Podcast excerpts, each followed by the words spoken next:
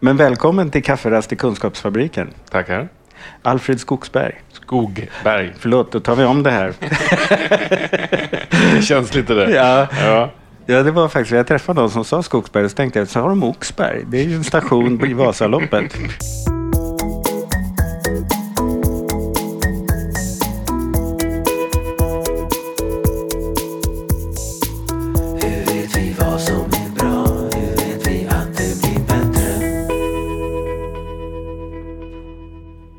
Kafferast i Kunskapsfabriken. Välkommen till kafferast i Kunskapsfabriken. Alfred Skogberg. Tack. Och du företräder Suicide Zero. Var du också med och startade organisationen? Mm, jag var en av grundarna också. Ja. Vad är din roll idag? Nu jobbar jag som generalsekreterare. Okej. Det låter som FN ungefär. Riktigt så är det. Kallas så i alla fall. Ja, just det. Ehm, hur länge har ni funnits? Sen april 2013. Det är inte så länge, för att, men då har ni lyckats bra i alla fall med att synas får man ju säga. Ehm, Det håller jag med om. ja. Vad var det som fick er att starta Suicide Zero? Mm. Eh, 93 så tog en barndomsvän till mig sitt liv. Och det satte väldigt, väldigt djupa spår i mig. Eh, och jag grunnade under många år på problematiken kring självmord. Och eh, sen pluggade jag till att bli journalist 2001-2004. Och då gjorde jag mitt C-projekt och mitt exjobb på temat ungdomar och självmord. Och då läste jag på i över ett halvår, eh, gjorde väldigt mycket research och insåg att här fanns det ju hur mycket som helst att jobba med. Det var ju ett område som ingen journalist hade trängt in i ordentligt och verkligen försökt förstå. Eh, så jag videofilmade många intervjuer och så klippte jag ihop dem och visade för Kalla fakta på TV4 och de bad mig göra ett program för dem. Så det gjorde jag och det kom i september 2004. Och det ledde till att samtliga riksdagspartier la motioner om att Sverige måste ha ett nationellt program för att förebygga självmord. Och det blev verklighet i 2008.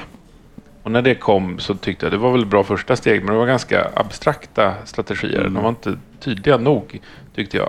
Så jag kände att om politiker visste vad jag visste så skulle strategierna se annorlunda ut. Så då tänkte jag då får jag skriva en bok så att alla kan läsa den och eh, förstå vad som måste göras.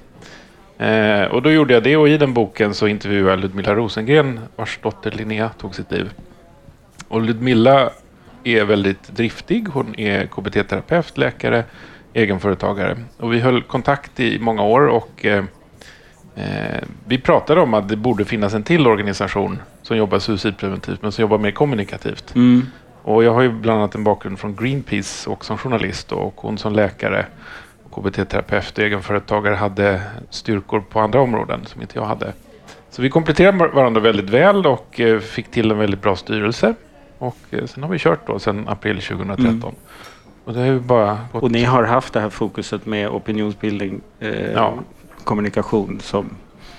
Eh, och när du säger en organisation till, då tänker du på SPES gissar jag? Spes och Mind heter de ju idag. Ja, just det. Sen finns det ju Spiv på västkusten. På Ja, västkusten. just det. Det finns lite olika. Mm. Precis.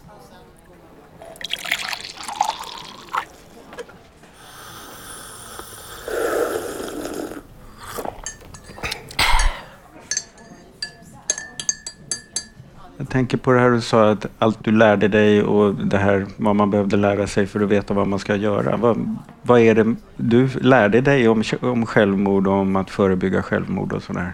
Ja, för det första så ska det bli förändring så måste ju eh, kunskapsnivån höjas, inte minst hos politiker som ju Mm. fattar besluten. Och jag testar alltid, eh, när jag föreläser för politiker så brukar jag börja med en frågesport. Där jag ställer frågor som hur många tar sitt liv varje år? Eh, vilken åldersgrupp är det som i störst utsträckning tar sitt liv? Hur många procent av de som- tar sitt liv är män? Etc. etc. Och de flesta har ju ingen aning.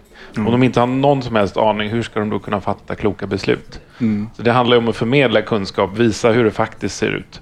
Dissekera myter, eh, visa på goda exempel, resonera kring sånt som borde vara självklart men inte är självklart. Just det.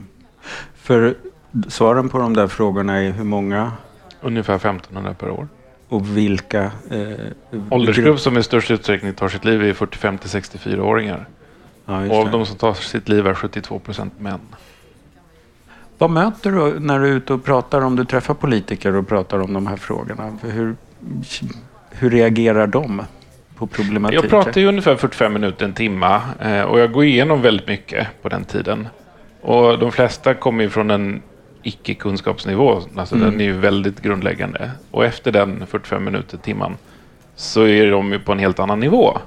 Och jag avslutar med att säga att jag vill att er kommun eller ert län eller er region tar fram en handlingsplan. Mm. Hur ska ni jobba lokalt för att förebygga självmord? Vad, vad är det för utbildningar er, eh, era medborgare, invånare, behöver gå igenom? Och vilka nyckelgrupper måste man utbilda först? Då? Mm. När ska ni börja göra händelseanalyser? Och så här har andra gjort. Eh, och vad är det som fungerar för att minska självmorden? Det finns ju många län och kommuner som nu har börjat anta handlingsplaner. Och de Mm. träffas ju ganska, ja, ungefär var tredje månad. För att utbyta erfarenheter och följa upp och så att det blir en kontinuitet i arbetet. Vad är det de gör då? Vad är det de har lättast att komma igång med? Nej, men dels är, tillsätts en samordnare då som driver arbetet framåt. Eh, sen så funderar man ju på vad, vad kan vi utbilda våra nyckelpersoner med för utbildningar?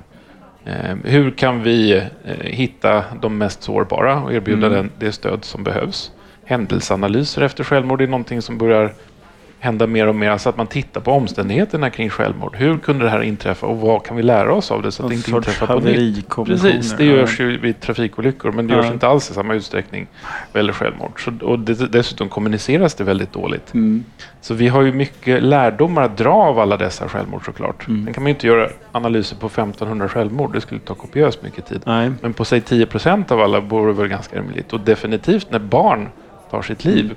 Det är ju fullkomligt absurt att vi kan acceptera att en tonåring tar sitt liv och sen är det ingen som undersöker hur kunde det här inträffa och vad kan vi lära oss av det så att det inte händer på nytt.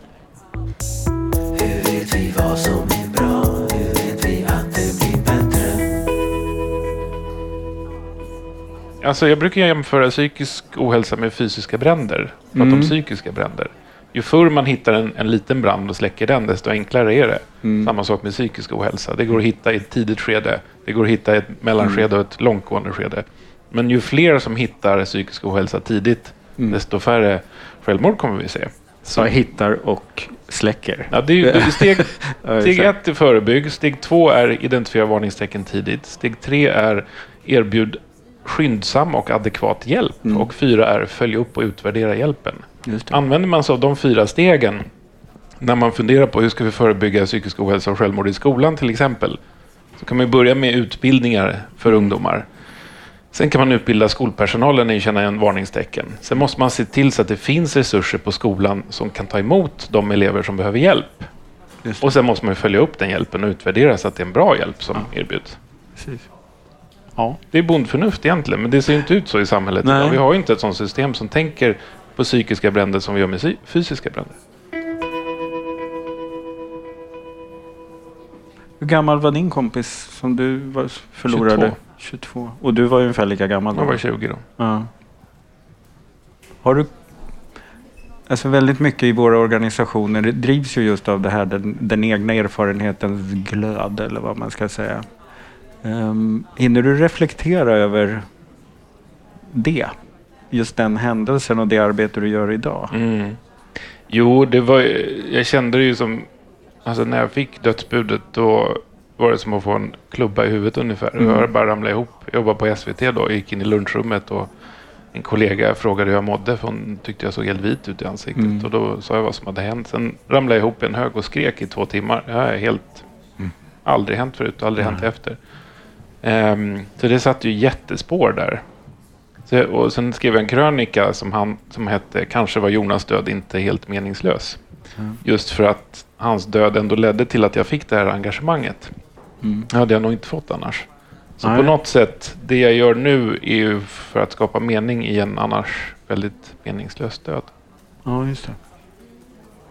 Det är, det är en väldig kraft i det. Mm. Alltså, alltså det finns den lärdom man drar av saker som man helst hade sluppit. Det är ju, Mm. Den blir ju väldigt central Mm. i livet. Liksom. Och man kan ju inte göra om historien utan får ju gå Nej. vidare och försöka använda sig av det som har hänt på något vettigt sätt. Kafferast i Kunskapsfabriken. Men eh, vad gör ni mer i Suicide Zero än att du är ute och pratar för politiker med flera? Ja, vi har ju bland annat en utbildning som vi Mm. kallar för Våga fråga. Ja. Och det handlar om det här. Hur kan vi lära folk att känna in varningstecken på psykisk Okej. ohälsa. Hos kollegor är det i första skedet i, Mm. i vår utbildning. Eh, Den kommer målgruppsanpassas till olika målgrupper som personal som jobbar med ensamkommande. Den är nästan klar den Mm. utbildningen. Sen eh, eventuellt hbtq, eh, Mm. den eh, gruppen. Ehm, män inte minst och även ungdomar. Så vi kommer målgruppsanpassa utbildningen till flera eh, med olika typer av scenarier och behov. Men där handlar det om hur, hur hittar vi varningstecken och hur kan jag som medmänniska stötta? Ja. Vad kan jag säga så att ett samtal inte blir så, så svårt? Utan Mm. hur, vi, får, vi övar i rollspel och i bikuper så att man får testa att knacka på sig en granne och fråga hur, läget är. Eller ta en kollega åt sidan och Mm. gå en promenad eller ta en fika. Och så får man en samtalsstruktur, alltså en eh, motiverande samtalsstruktur hur man kan prata med någon som har det svårt. Många är ju så rädda att ta det här första steget, att knacka på Ja. dörren eller ta någon åt sidan och, och fråga hur är det egentligen? Jag hörde att din fru dog i förra veckan eller att du Mm. har fått cancer eller att eh, jag vet att du ska gå i pension nu snart. Hur tänker du kring det? Eh, hur kan man prata om de här livsomställningarna som vi alla går igenom Mm. och som kan vara grund för psykisk ohälsa? Det behöver inte vara det. Men det är ofta där det börjar, att det händer någonting stort i livet.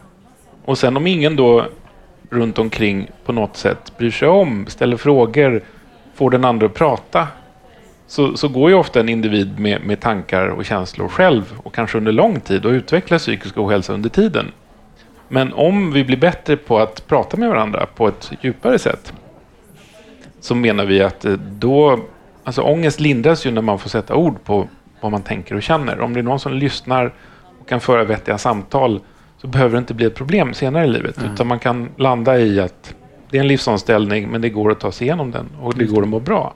Men vi måste alla bli bättre på att veta hur vi kan samtala med någon. Och därför har vi tagit fram den här utbildningen nu som vi jobbar hårt med nu här under hösten. Inte minst. Var når ni ut med utbildningarna någonstans? Vilka är intresserade av att hålla dem? Den första jag höll för det var Elfsborgs IFs personal och supportrar i två utbildningar.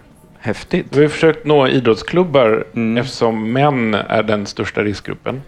Och män i stor utsträckning går på idrottsmatcher, Mm. alltså fotbollsmatcher, hockeymatcher och andra typer av idrottsevenemang. Eh, och nu ska jag kontakta Hammarby snart. Mm. Eh, och vi har haft andra samtal med andra idrottsklubbar, IFK Göteborg bland annat. Eh, så, så det var det första, men sen här, här har vi på gång nu Jo kommun ska vi utbilda. Mm.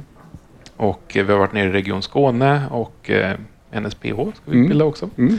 Eh, Just det. och eh, flera andra. Så, så, och vi har utbildat flera av våra volontärer till att bli instruktörer också. Så det finns en del runt om i landet som kan genomföra. Hur många volontärer har ni?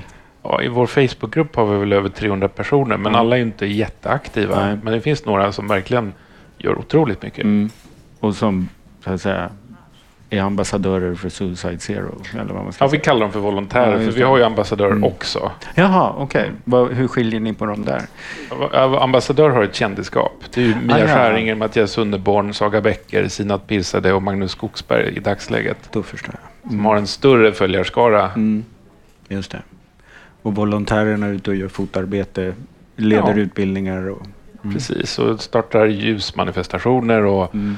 Pratar med politiker, skriver eh, motion eller eh, medborgarförslag och Ja, eh, eh, pratar med journalister, berättar sin historia och försöker uppmärksamma självmord lokalt. Mm. Är de flesta volontärer personer med någon form av egen erfarenhet av självmord? Ja, antingen har de en, en nära som har tagit sitt liv eller så har Mm. de egen erfarenhet av att ha mått väldigt dåligt psykiskt.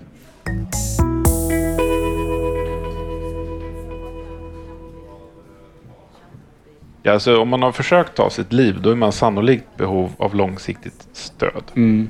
Men du kan ju bli utskriven efter ett självmordsförsök och Mm. lämnad helt ensam. Och Just det är ju helt absurt eftersom vi vet att 10% av alla som gjort ett första självmordsförsök kommer att ta sitt liv. Just det.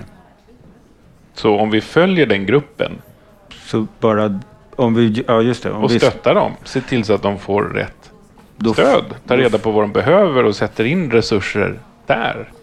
Då skulle vi minska självmorden rejält. Så vi, jag sitter med i ett projekt som heter Säker suicidprevention och den går ut på att kartlägga vilka rutiner som vården har för att Mm. följa de som försökt ta sitt liv. Och det ser ju väldigt olika ut runt om i landet men generellt sett kan man ju säga att det brister väldigt mycket. Finns det överhuvudtaget idéer om rutiner? Ja, det gör det ju. Ehm, Det finns ju absolut uppföljning i vissa fall, definitivt. Ja. Men inte strategiskt på samma sätt som är mest evidensbaserad runt om i hela landet. Absolut inte. Nej. Där återstår jättemycket. Men jag, läste, eller jag hörde Stefan Einhorn i en video när han berättade om en man vars fru hade dött i cancer. Och mannen tog det väldigt, väldigt hårt, blev djupt deprimerad och hade långt gångna planer på att ta sitt liv. Och då ringde någon från vården och, och sa att jag hörde att din fru dog nyligen och jag undrar hur du har det. Det var första gången någon tog den kontakten med honom. Och det var hela vändningen för honom. Att någon frågade. Och det är därför vår utbildning känner jag är så viktig. För det är så många som är så livrädda för att ställa frågan efter att man vet att någon har haft det svårt. Hur har du det egentligen? Kan vi prata om det? Kan vi ta en promenad? Jag lyssnar gärna, jag finns här. Jag vill, jag vill veta mer och jag följer dig långsiktigt också. Det är inte bara en engångshändelse. Och det är verkligen inte bara en vårdfråga. Nej, Nej. Utan någon slags kult- generell kulturfråga. Precis. Ja. det är ju precis som du säger. Många tänker ju att allt som har med psykisk ohälsa är en vårdfråga och glömmer bort att vi själva som medmänniskor har resurser för att stötta. Man behöver inte vara utbildad psykolog för att fråga hur någon faktiskt har det och ta en promenad. Det räcker med att man är den man är. Ja. För när man drabbas, som i ditt fall när din vän tog sitt liv, då är du ju bara den du är. Eh, ja, just det. Då hjälper det liksom inte vad man har för förvaltningsstrukturer omkring sig eller politiskt system eller Nej. välfärdsinsatser. Ja. Det är ju lite magiskt det där. Kan jag tycka att det som det här att vara den man är som är så förfärligt svårt ibland också är en så extrem styrka när man har- kan använda det och dela med sig och interagera med Mm. det. Mm. Men folk måste nog förstå att var och en som just nu lyssnar har faktiskt möjligheten att rädda liv. Ja, just det. Oavsett utbildning, oavsett profession. Att ringa, att Precis, att höra av sig, knacka på dörren, skicka ett sms. Visa att man har sett, hört, Mm. förstått. Vill veta mer, vill Mm. finnas där. Jag brukar säga att man ska vara artigt påträngande. ja. Vi är så rädda för att klanka in i folks privatliv och säga att det ska inte vi lägga oss i. Helt Nej, fel inställning tycker jag. Vi Mm. ska knacka på dörren. Vi ska säga att vi har hört, att vi har förstått. Mm. Att, att vi gärna lyssnar, att vi gärna tar en promenad. Mm. Det är inte vara otrevligt påträngande, men det är artigt Nej. påträngande. ja. Tack för att du ville vara med i podden. Tack själv för att jag fick vara med. Den här podden görs av NSPH, Nationell samverkan för psykisk hälsa. Läs mer på vår hemsida www.nsph.se eller följ oss på Facebook, Kafferast i Kunskapsfabriken.